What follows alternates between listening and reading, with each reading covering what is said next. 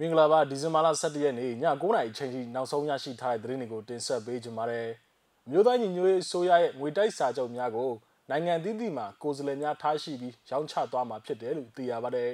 ။မြန်မာနိုင်ငံဟာလူသားချင်းစာနာထောက်ထားမှုအကူအညီရရှိရေးအခက်အခဲများစွာကြုံတွေ့နေရတယ်လို့တာမန်ကြီးဦးကျော်မိုးထွန်းကပြောဆိုလိုက်ပါတယ်။စတဲ့သတင်းအကြောင်းအရာတွေကိုသတင်းတောက်ကျွန်တော်ထွန်းထွန်းဝင်းကတင်ဆက်ပေးကြပါမယ်။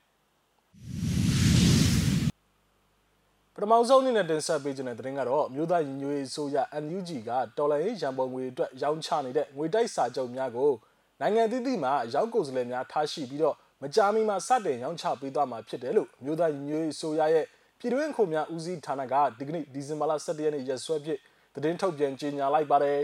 ။နောက်ပိုင်းမှာငွေတိုက်စာချုပ်များကိုမြို့သားညီညွတ်ရေးဆိုရထံမှဓာတ်ရိုက်ဝယ်ယူရစရာမလိုပဲမိမိရောက်ရှိနေတဲ့နိုင်ငံတွင်းမှာရှိတဲ့မြို့သားညီညွတ်ရေးဆိုရ ငွေတိုက်စာချုပ်ရောင်းကိုယ်စားလှယ်ထံကနေတဆင့်ချိတ်ဆက်ဝယ်ယူနိုင်တော့မှာပဲဖြစ်ပါတယ်။နိုင်ငံသီးသီးမှာကိုယ်စားလှယ်တွေထားရှိမှာဖြစ်ပြီးတော့လွယ်ကူလျင်မြန်စွာဝယ်ယူနိုင်မယ်လို့မြို့သားညီညွတ်ရေးဆိုရရဲ့ပြည်တွင်းခွန်များဦးစီးဌာနကကြေညာထားပါတယ်။အဲ့ဒါအပြင်မြို့သားညီညွတ်ရေးဆိုရရဲ့ငွေတိုက်စာချုပ်များကိုမြန်မာပြည်တွင်းမှာလည်းမကြာမီမှာဝယ်ယူရရှိနိုင်တော့မှာဖြစ်ပြီးတော့ KIO ရဲ့ငွေကြေးပို့ဆောင်သောစနစ်အုပ်ချုပ်ရေးနဲ့ဗန်စနစ်များအတိုင်း ကချင် political interim quotational KPICD နဲ့ပူးပေါင်းပြီးတော့ဆောင်ရွက်သွားမှာဖြစ်တယ်လို့သိရပါတယ်။ငွေတိုက်စာချုပ်များဝယ်ယူနိုင်မဲ့နီလန်များနဲ့ရောင်းချသွားမဲ့အစီအစဉ်အသေးစိတ်ကိုတော့စတင်ရောင်းချသွားမဲ့နေ့ရက်တွေကိုပြန်လည်သတင်းထုတ်ပြန်ပေးသွားမှာဖြစ်တယ်လို့မြို့သားညီညွတ်ရေးအစိုးရရဲ့ပြည်တွင်းခုံများဦးစီးဌာနကဆိုပါတယ်။မြို့သားညီညွတ်ရေးအစိုးရရဲ့အထူးငွေတိုက်စာချုပ်ကန်ဒေါ်လာတန်း1000ဖို့နဲ့အာစီရီပထမတုပ်နေဖြစ်ကန်ဒေါ်လာတန်း200ဖို့ကိုနိုဝင်ဘာလ20ရက်နေ့က စတင်ရောင်းချပေးခဲ့ပြီးတော့အဆိုပါနေ့မှာပဲနိုင်ပိုင်းတွင်အမေရိကန်ဒေါ်လာ6တန်းပိုးခန့်ရောင်းချနိုင်ခဲ့ကြောင်းသိရပါတယ်။နှစ်နှစ်သက်တမ်းရှိတဲ့အထူးငွေတိုက်စာချုပ်များကိုကန်ဒေါ်လာစုစုပေါင်းတန်းတစ်ထောင်ပိုးရောင်းချရန်စီစဉ်ထားပြီးတော့ဒေါ်လာ100 900 1000 9000တန်စတဲ့စာချုပ်ပုံစံ၄မျိုးဖြစ်ရောင်းချပေးနေခြင်းပဲဖြစ်ပါတယ်။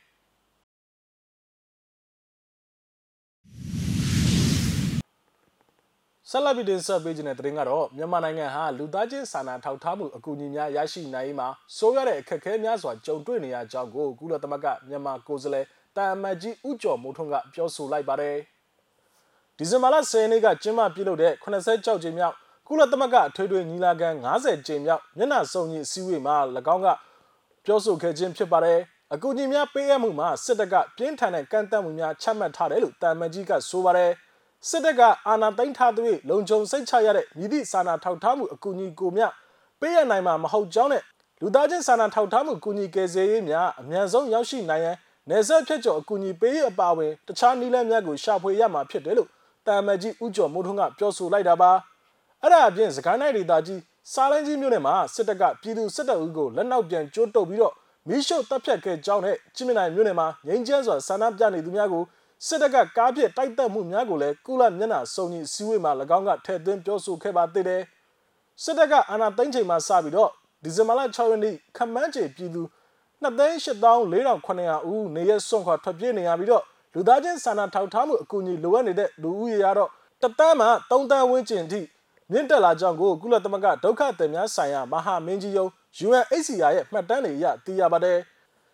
အဲ့ဒါအပြင်စစ်အာဏာသိမ်းမှုနဲ့ COVID-19 ကပ်ရောဂါကြောင့်မြန်မာပြည်သူလူဦးရေထက်ဝက်နီးပါးဟာလာမယ့်နှစ်အတွင်းမှာဆင်းရဲနွမ်းပါးမှုအခြေအနေနဲ့ရင်ဆိုင်နေရမယ်လို့ကုလသမဂ္ဂဖွံ့ဖြိုးတိုးတက်ရေးအစီအစဉ် UNDP ကခန့်မှန်းထားပါသေးတယ်။လာမယ့်6လတာကာလအတွင်းမှာမြန်မာပြည်သူ1.6သန်းဟာအစားအစာလိုအပ်ချက်ရှိနေမယ်လို့လည်းကမ္ဘာ့စားနပ်ရိက္ခာအစီအစဉ် WFP ကခန့်မှန်းထားပါသေးတယ်။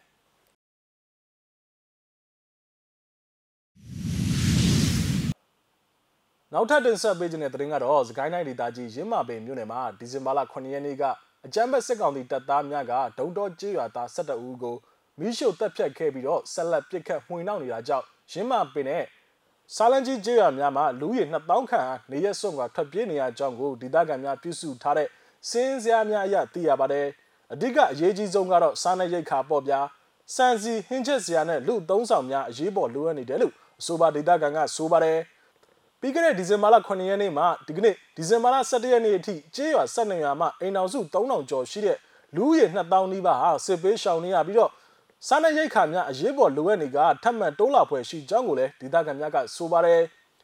ဒဒီဇင်ဘာလ17ရက်နေ့မှာလည်းရင်းမာပင်မြို့နယ်ဆယ်ထန်းတော်ကြီးရွာဘက်ကိုအကြမ်းဖက်စစ်ကောင်စီတပ်သားများကလက်နက်ကြီးများနဲ့ပစ်ခတ်မှုကြောင့်လူတူဒဏ်ရာရရှိပြီးတော့နေအိမ်တစ်လုံးနဲ့အမိုးပျက်စီးသွားကြောင်းကိုဒေသခံတို့ကဆိုပါတယ်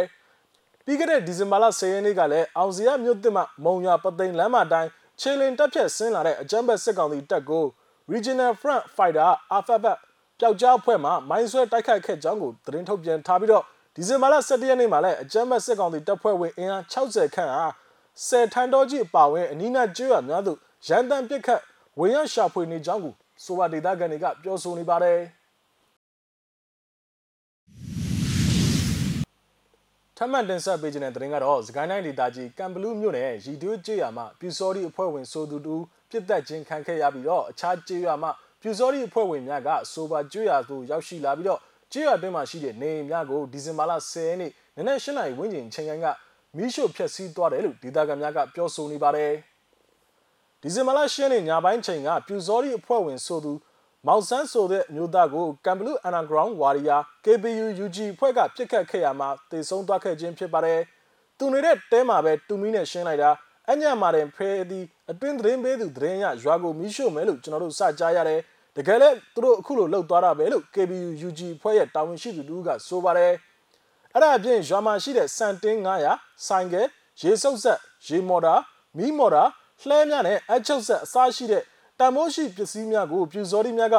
ယူဆောင်သွားကြကြောင်းကိုဒေသခံများကစင်းနဲ့တကွမြစည်းမသတင်းဌာနသို့သတင်းပေးပို့ထားပါသေးတယ်။ရီလေးကျွရ LND အဖွဲ့ဝင်များနဲ့တော်လိုင်းတက်ကြွလှုပ်ရှားသူများမှာရခိုင်ကပင်နေများကိုစွန့်ခွာတင်းရှောင်နေရကြပြီးတော့ကြံဒေသခံများမှလည်းလက်ရှိချိန်မှာတင်းရှောင်နေရကြောင်းကိုဒေသခံများကဆိုပါတယ်။လွန်ခဲ့တဲ့တလခွဲလောက်ကတည်းကရွာကဒလန်တယောက်တေလို့ဆိုပြီးမိရှို့ဖူးတယ်ဒီကြားထဲမှာလည်းသူတို့ရှို့ခြင်းရှို့နေကြတာပဲ အခုလိုကြီးကြီးမားမားဖြစ်တာကဒါနဲ့ဆိုနှစ်ကြိမ်ရှိပြီလို့ရွာကန်တူကဆိုပါတယ်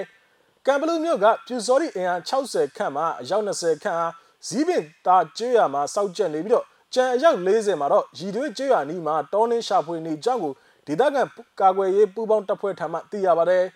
ဒေသကာကွယ်ရေးတပ်ဖွဲ့များကလည်းရွာနေအိမ်များမိရှုခံရမှုကိုရှုတ်ချပြီးတော့မကြခင်မှာလက်တော့ပြန်သွားမယ်လို့ဆိုပါတယ်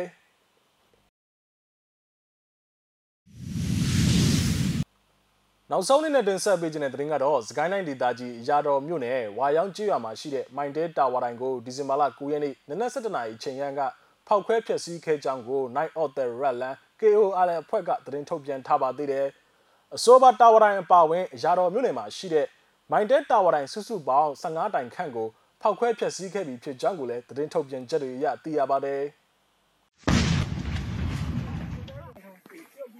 ဟိုဘက်လဲမှာဟာဟုတ်ပြီဟိုဘက်ရိမ့်ပါလာပြီလာပြီဟေးဟေးမိုက်တယ်မိုက်တယ်